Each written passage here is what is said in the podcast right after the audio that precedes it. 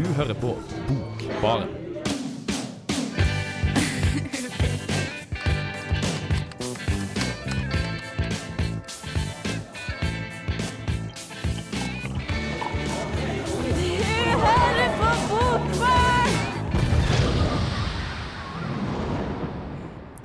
I dag, som alltid, hadde intromusikken vår helt rett. Du hører på Bokbarn, og i dag skal vi snakke om noe som ligger Bokbarn sitt hjerte veldig nært, nemlig tegneserier. Jeg heter Martin Ingebrigtsen og sitter her i studio på Lukas sammen med Andreas Skille Ja, god dag. og Hans Kvarnsjeli. God kveld, god kveld. I dag skal vi snakke om så forskjellige tegneserieskapere som Joe Sacco, Mariann Satrapi og en som heter Siviello til etternavn. Det var det jeg fikk med meg. Ja, Ja, Hva er det til fornavn, egentlig? Emanuel. Det kan være det samme. Emanuel, Emanuel Civiello. Men først skal vi høre Broken Bells med Citizen. Når jeg går inn i butikker som spesialiserer seg på fantasy, sci-fi og mer interessant for min del, tegneserier, har jeg en tendens til å bruke lang tid på å la blikket gli opp og ned langstrakte og forvirrende hyller, på utkikk etter ukjente navn og oppmerksomhetsfangende titler. Jeg er ingen utprega feinschmecker. Jeg liker både de klassiske stripeseriene og superheltene, men dem finner jeg som regel på internett. Derfor, når jeg er i butikken, er det min misjon å oppdage noe nytt. Stå lenge i et hjørne og bla, før jeg omsider bruker noen hundrelapper på å fylle en handlepose. Det var sånn jeg en dag for fem-seks år siden ramla over ei bok som het Safe Area Gorajde, av den maltesisk-amerikanske tegneserieskaperen Joe Sacco. Tittelen besnæra meg fordi jeg ikke hadde nubbsjanse til å umiddelbart skulle fatte hva det dreide seg om. Og boka fascinerte meg fordi jeg, når jeg åpna den, fant noe jeg aldri hadde kunnet forvente. Joe Sacco er krigskorrespondent.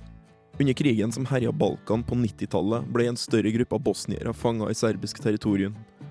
Områdene de her befant seg på, ble lagt under FNs beskyttelse, men var fullstendig omringa av serbiske styrker som bevokta dem og passa på at ingen forlot småbyene. Kolonner med FN-lastebiler tok seg regelmessig inn gjennom en trang korridor av serbiske vaktposter med forsyninger til de stranda bosnierne. Sakko dro inn dit og rapporterte om hvordan livet fortona seg inni Safe Area Gorajde.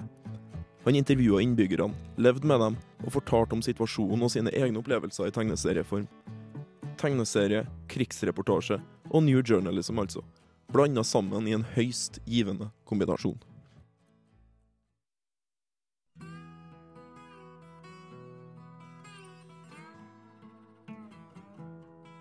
Jeg vil bare si litt om tegnestilen til Sako. Den minner meg veldig om 70-talls manga. uh, Yoshihiro Tatsumi. Om det navnet sier noen noe som helst. Det kan best beskrives som en ganske simpel strek som avbilder mennesker og ansikt relativt enkelt og detaljløst, mot en svært realistisk bakgrunn. Det hele limes sammen og får en slags naturtro sammensmelting gjennom tegnerens skyggelegging. Det er en enkel, realistisk og effektiv stil som understreker innhold over kunstferdighet. Det meste blir med andre ord formidla gjennom tematikken. Seifaria Gorasjte var altså min introduksjon til Sako. Men gjennombruddet sitt hadde han midt på 90-tallet da han skrev en serie med tegneseriereportasjer fra Palestina. Man kan si at de ligner. Sako reiser rundt og snakker med folk, samler historier, og forsøker å la menneskene sjøl formidle sin situasjon og vanskelighetene den medfører. Gjennom deres stemmer kommer kulturen og politikken bak til syne, og Sakko presenterer og formidler forbilledlig. Og hele tida er han til stede i sine egne reportasjer. Han er en arvtaker til New Journalism-skolen etter Tom Wolfe og Hunter S. Thompson, og således ikke redd for å gi seg sjøl og sine meninger til kjenne. Men der Wolfe og Thompson hovedsakelig presenterte sitt personlige engasjement gjennom syntaks og iscenesettelse, er det først og fremst sjangerblandinger som representerer Sacco. Gjennom å basere seg tungt på noe så personlig som tegninger, for på den måten å la sitt eget blikk og sitt eget uttrykk være det som billedliggjør, ser man verden som Sakko gjør det. De objektive og subjektive perspektivene surres for alvor sammen, og blir et veldig helstøpt uttrykk. Og på tampen av fjoråret kom det en ny bok om opplevelsene hans i Palestina. Denne boka dokumenterer dagens forhold, eller nærmere bestemt forholdene rundt 2000-tallets begynnelse, med krigen i Irak som bakgrunnsteppe, men dreier seg om noe helt annet. Han snakker med gamle mennesker om hendelser som tok plass i 1956, problematiserer kildekritikk og åpner nye dører i sitt eget forfatterskap. 'Footnotes from Gaza' heter boka, og jeg anbefaler den varmt både for gamle og nye Sakko-lesere. Den er et nytt høydepunkt i en stadig selvfornyende og fascinerende karriere. Ja, da er vi tilbake i eh, Bokbarns eh, tegneseriespesial. Og vi har hørt der eh, Martin Ingebrigtsens sak om Joe Sacco. Ja da. Og til slutt i saken din så nevnte du Joe Saccos nyeste tegneserieroman, Mm. Eh, 'Footnotes from Gaza'. Ja, Tegneserieroman-type fotnoter fra Gaza. Jo da, nei, det, er, det er litt sånn vanskelig av og til å skulle, skulle definere akkurat hva det er Sako driver med. Mm. Han er jo en, eh, en dokumentarisk journalist, kan du si, og dokumenterer jo gjennom tegninga. Og har da fortsatt med det i denne nye boka, uh, 'Fotnoter fra Gaza'. Gaza. Den eh, er litt vanskelig å beskrive. Det er to ting som skjer på en gang i denne boka. her. På den ene sida så har du da Joe Sacco, som på veldig sedvanlig vis drar rundt i Drar rundt der han er, eh, snakker med folk, eh, opplever ting, eh, føler krigssituasjon, okkupasjon og sånne ting på kroppen. Og på den andre sida så prøver han å snakke med de her gamle overlevende fra 1956, faktisk. Og da spesielt én situasjon som jeg ikke helt husker på stående fot hvilken by det har dreid seg om, men det var da Mm. byen sin skole. Så ble eh, alle, dem, alle mennene i den landsbyen ble samla der, og behandla ganske dårlig av, av, av en gjeng med israelske soldater. Og det hele problema, problematikken Sakko tar opp, er hvordan skal man kunne forvente at uh, gamle mennesker som har levd med krig hele livet sitt, klarer å huske én isolert hendelse fra 50 år tilbake. Mm. Det er én ting. Men også hva skal man gjøre når man får forskjellige, uh, forskjellige historier om denne hendelsen? Altså alt det her. Og det her, blir på en måte um, Ja, hva skal man si? Det blir uh, blir hentet opp i det her altså overhengende konseptet med det å skulle være i krig. ikke sant? Hvordan den ene, eh, den ene hendelsen avløser den andre. Hvordan krigen er kontinuerlig, og hvordan det er vanskelig å skulle uh, finne en begynnelse i det. Mm. Og, og som jeg sier, midt i alt dette her så får han å springe i Gaza, hvor eh, hus jevnes med jorda eh, hver eneste dag. Alle de kildene folk kan bli kjent med mis, altså Folk mister husene sine, folk mister familiene sine. Det er en kontinuerlig marerittsituasjon, og det her flettes sammen. Ja. Det er jo interessant hvordan han bruker tegneserieformatet og den her graphic novel-sjangeren eh, til, til å lage dokumentarreportasjer og, og journalistikk. Han er vel utdanna journalist eh, også. Han er utdanna journalist. Eh, jeg tror tegneseriegreiene bare noe som har kommet ramlende etter hvert, egentlig. Ja. Eh, og han, du kan jo si han har funnet en, eh, sin egen nisje. Det er vel, Så vidt jeg vet, så er det bare én annen enn som driver med noenlunde det samme, og det er en fyr som heter Guy Delisle, som har laga en bok, veldig bra bok som heter Pyongyang, og Burma Chronicles. Han drar i Asia og drar bak her i jernteppene og, og herjer. Ja, jeg tenkte også litt på Mouse av Art Spiegelman. Ja, heller ikke, heller, heller, heller ikke en, en, en dårlig referanse der, altså. Men du, Men det, det du kan si er, er spesielt interessant med Sakko, da. eh, det er noe vi snakka om litt i, eh, litt i den lille pausen vi hadde her, nemlig det parallellen til dokumentarfilmen. Det er noe jeg har eh, tenkt en del på. For eh, en ting som alltid har plaga meg, det er at dokumentarfilmer på en eller annen måte alltid strever etter en slags objektivitet. ikke sant? jo, en sannhet. En sannhet. Uh, men problemet der ligger jo at uh, det objektive forsvinner med en gang du har en kameramann som bestemmer hva han skal rette kameraet mot. Med en gang man gjør det, så blir noe kutta ut. En del av sannheten forsvinner. ikke sant? Ja, det er jo alltid en utfordring i den sjangeren. Ja, og du kan si det at det, det Sakko gjør, da, det er det at han går litt forbi dette her ved å, ut, ved å altså ikke late som at han fotograferer virkeligheten. Han tegner virkeligheten. Det er hans øye, det er hans hånd, det er hans presentasjon av en virkelighet. Han leter ikke etter en objektivisme som ikke finnes, men han går rett på det subjektive.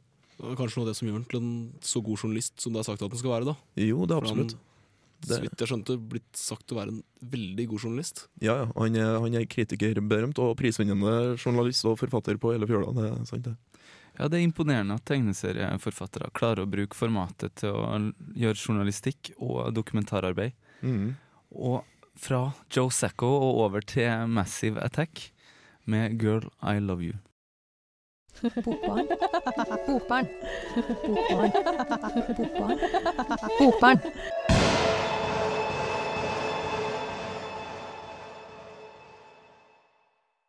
Når det arrangeres begravelser, for folk uten pårørende, trykkes det i begravelsesannonsen at seremonien arrangeres på vegne av venner. Altmuligmann og TV-fjes Kristoffer Schou la merke til det her i en artikkel i avisa, og det rørte ham. Skau reiser fra begravelse til begravelse, hører på prestenes preken og forsøker å danne seg et bilde av de her personene som blir senka i jorda. Noen ganger får også Skau anledning til å si noen siste, bevinga ord til den døde. God tur, sier Skau, som en rufsatt skytsengel med bredt skinnskjegg og påsydd Motorhead-merke på dongerijakka si. Klokkene begynner å ringe. Kjappere enn vanlig? Håper da virkelig ikke det. Det er en begravelse til rett i bakkant av denne, men de kan ikke knappe ned på denne bare fordi de levende har rota det til. Presten kommer inn, setter seg ved alteret. Første salme er O bli hos meg. Jeg tar meg sjøl i å synge med.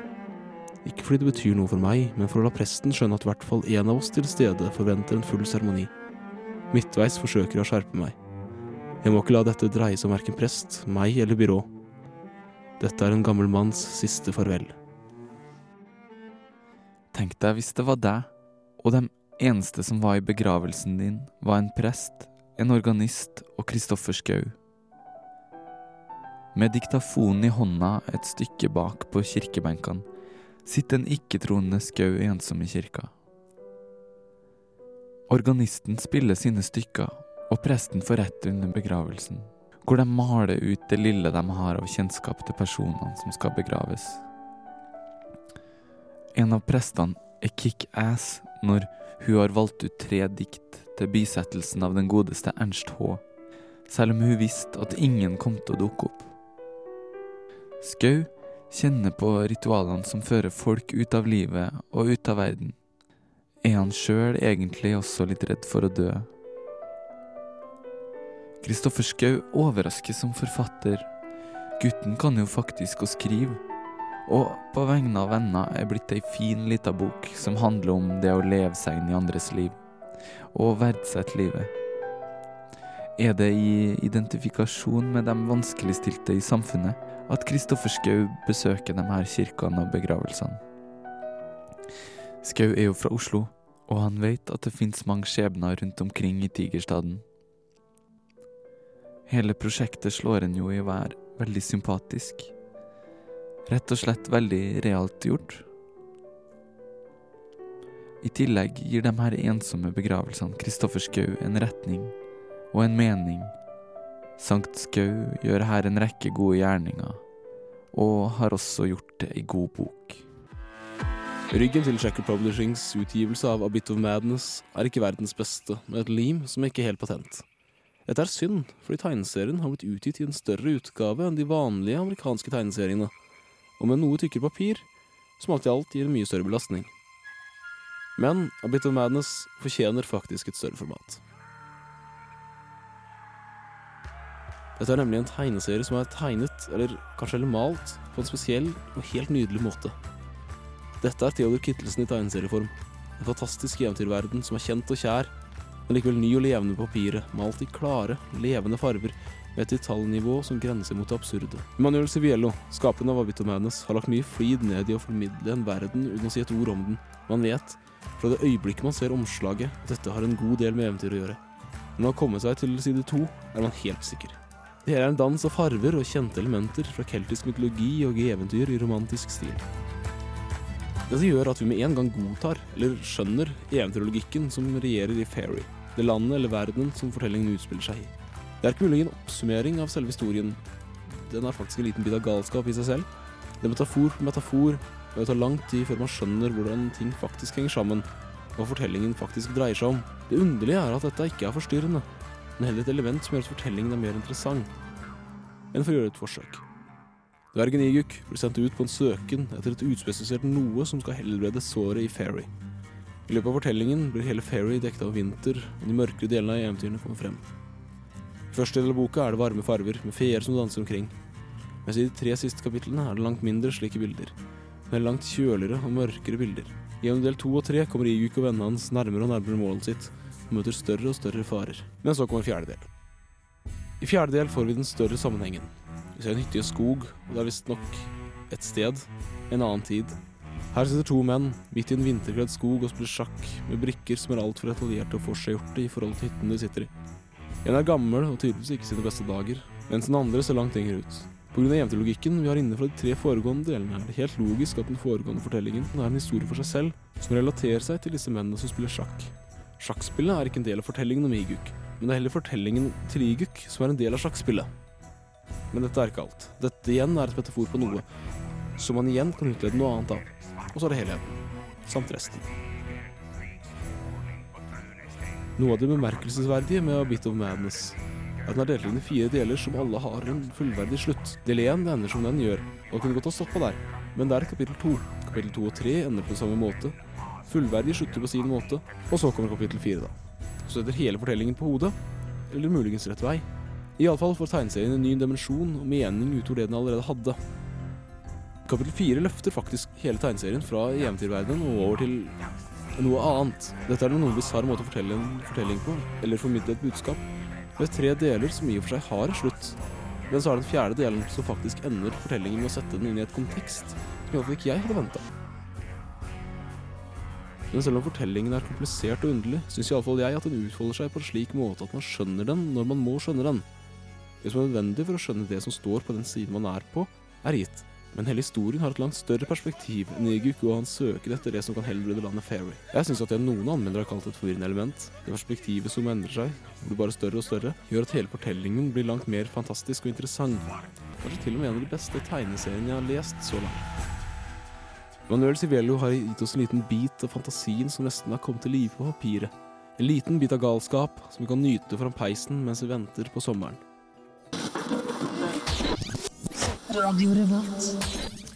Hei, hei, hei, hei, hei. Du hører fortsatt på Bokbaren her på Radio Revolt. FM 100, eh, tror jeg. Og det var Eels med hva? Gunman, het den, het den låta eh, fra den siste plata til Eels. Veldig, veldig tøft band, synes jeg. Før det så hørte vi Hans Kvernsjøli snakke om eh, tegneserieboka A Bit of Madness fra franskmannen Emmanuel Civiello. Stemmer? Det stemmer. Det er jo litt artig jeg kom på det når vi snakker om Vi har, eh, altså Uansett hvor du sier at liksom, tegneseriens hjemland er, om, det, om det, det er vel for så vidt USA, men Ja. sånn nå per dags dato så kan det like greit være Frankrike. Akkurat som Mm, det sant kunne det. være Belgia, hvis du går liksom 20 år tilbake i tid. Mm. Men uh, i dag så har vi jo da faktisk Amerika og Frankrike og fra frontieren Iran, som vi skal komme tilbake til etterpå. Mm. Men det der var altså Frankrike, A Bit of Madness. Hva er det her? Det hører, her, her høres bare helt radikalt ille ut. Jeg vet ikke.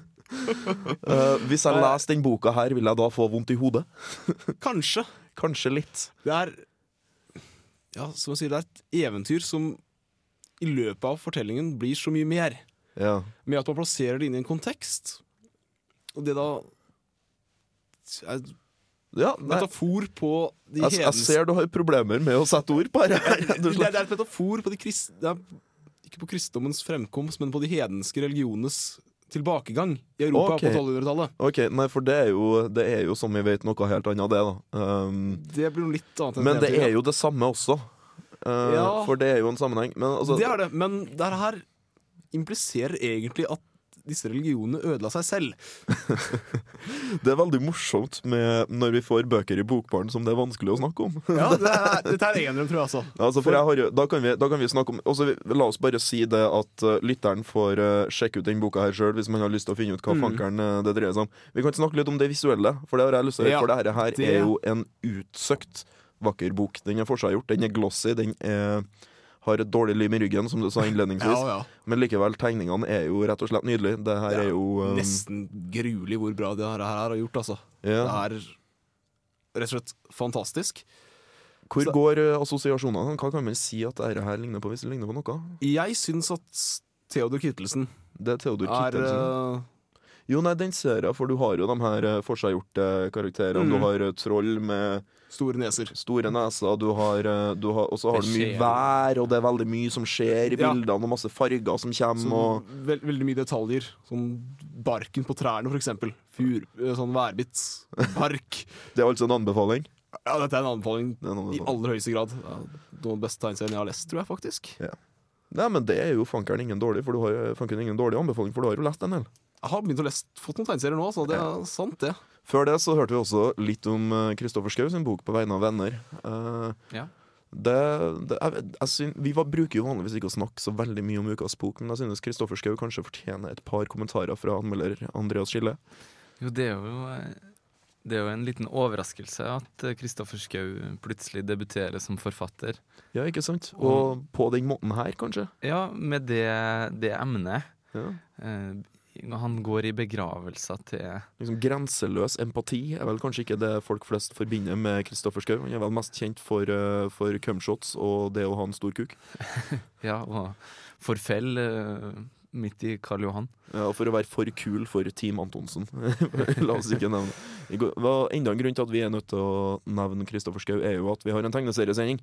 Og eh, en lytter som ikke vet det, at Kristoffer Schou har laga tegneserie sammen med Norges eh, absolutt tøffeste serieskaper, i min mening, Øystein Runde. Ja, han er bra. Ja, eh, De bør gå og sjekke ut Margarin, som er en av, noe av det særeste jeg noensinne har vært borti, i hvert fall i Norge.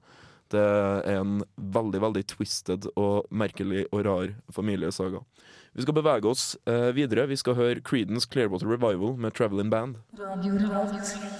Velkommen tilbake til Bokbarn. Der hørte du Creedence Clearwater Revival. Eh, vi snakker om tegneserier i dag. Vi har bevega oss fra Joe Sacco eh, gjennom Emanuel Civiello. Vi var innom Kristoffer Schou.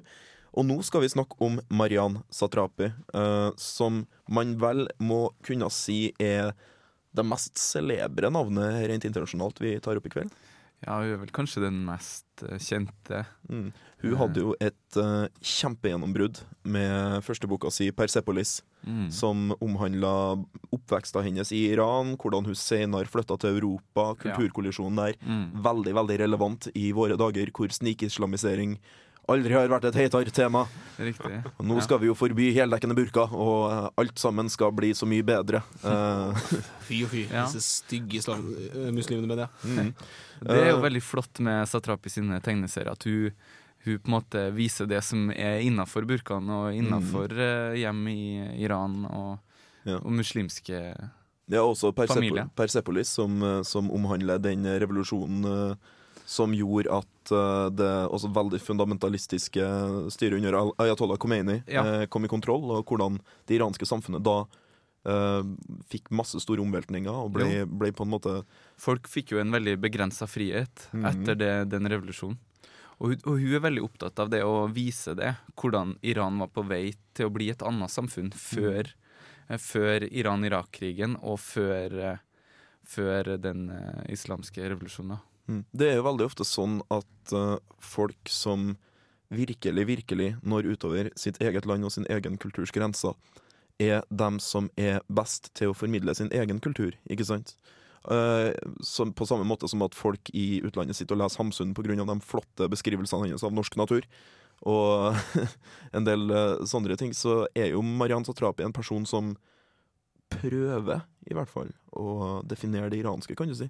Prøve, Mm. prøv, prøv å formidle hva som finnes under den her uniforme kulturen på veldig mange måter. Vi, vi, vi i Vesten opplever den jo i hvert fall som veldig uniform. Vi ser jo, vi ser, vi ser Ja. jo folk med de samme klærne, og som tydeligvis lever i et eh, bakstreversk samfunn, eh, i hvert fall i forhold til hva vi, hva vi i Vesten har som, har som ideo, ideologi. Mm.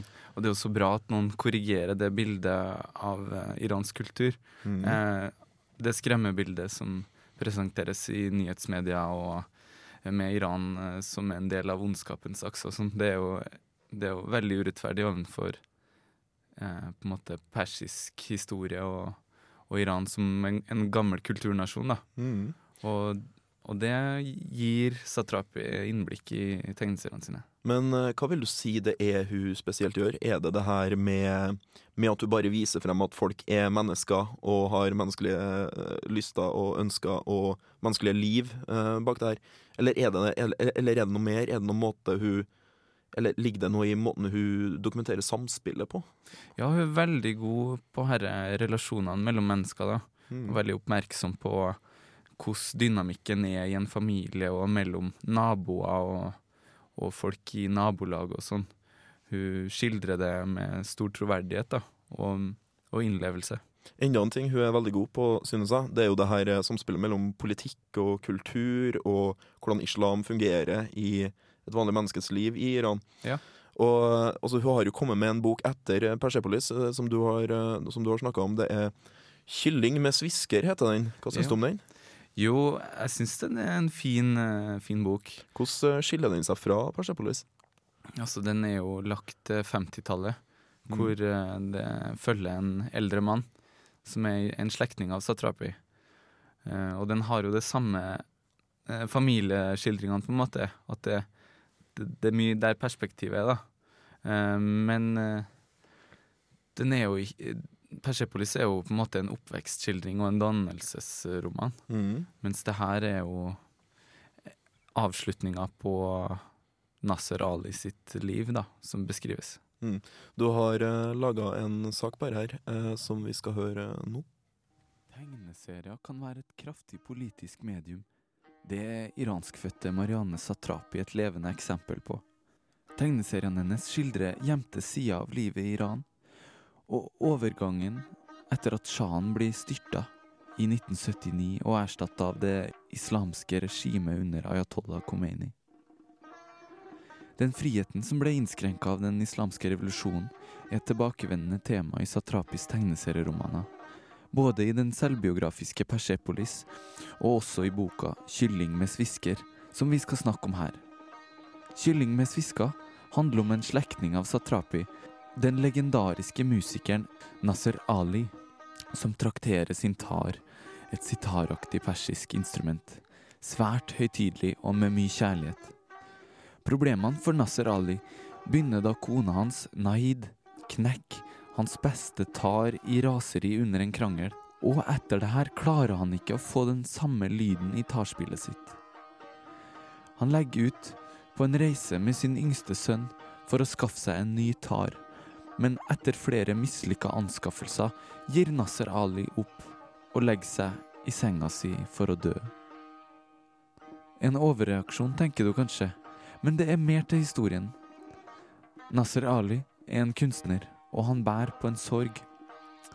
I sin ungdom ville han gifte seg med den vakre Irane, men fordi han ville leve av musikken, ble han ikke akseptert av hennes foreldre.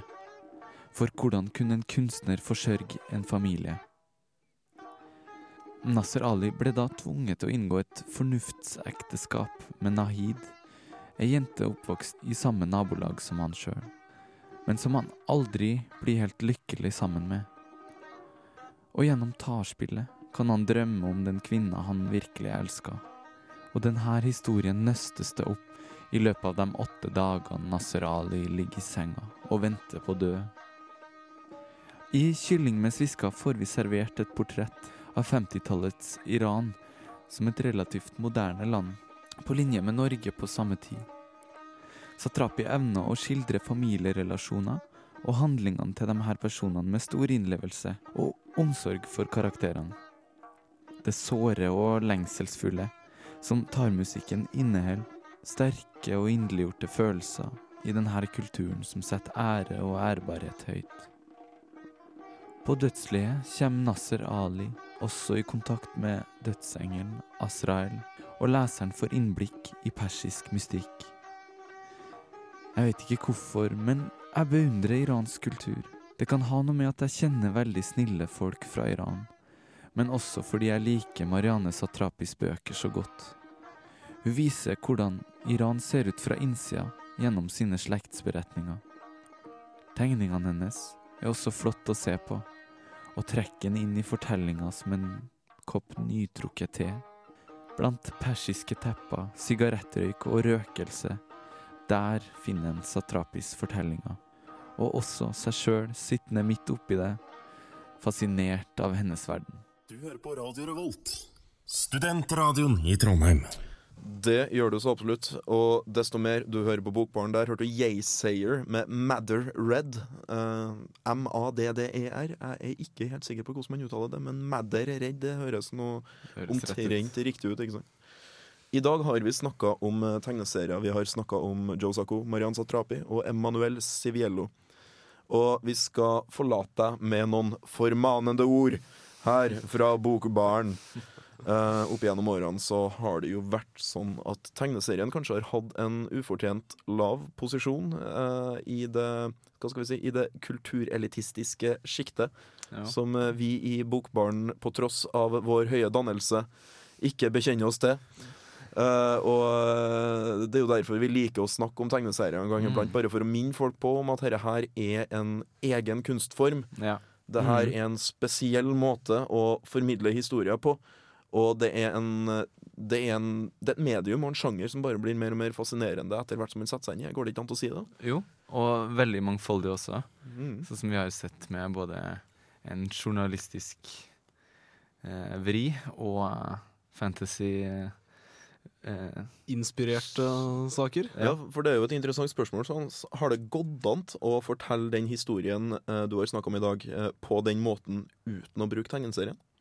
Jeg tviler sterkt. Mm. Det er Der kanskje mulig med en muntlig fortelling. Kanskje mulig med en muntlig gjenfortelling. Eh, Ja, det, det, det er mulig at de klarer å skape noe av den samme følelsen over historien. Mm. Ja, nei, men der ser vi jo igjen, da, for det der, der er vi tilbake på en måte på det, på det muntlige som ligger til grunn for all historiefortelling. Nettopp. Er det da noen grunn til å tvile på tegneseriens relevans Nei! og vesentlighet som eget og selvstående medium? Overhodet ikke. Nei. Slutt å lese stripeserier. Slutt å lese Pondus. Begynn å lese grafiske romaner. For. Oh yes. Ja. Det er en eh, investering av tid og krefter Eh, ikke tror noen vil eh, føle at de har kasta bort av ingenting. Eh, for så vidt. Uh, vi begynner virkelig å nærme oss avslutninga nå, så jeg skal jeg, skal, jeg, skal, jeg, skal be, jeg skal begynne å pakke, pakke sammen prekenen min. Oi, oi, oi. Eh, skal vi se. Vi skal høre 'Shining' med Fisheye. Bokbarn. Bokbarn.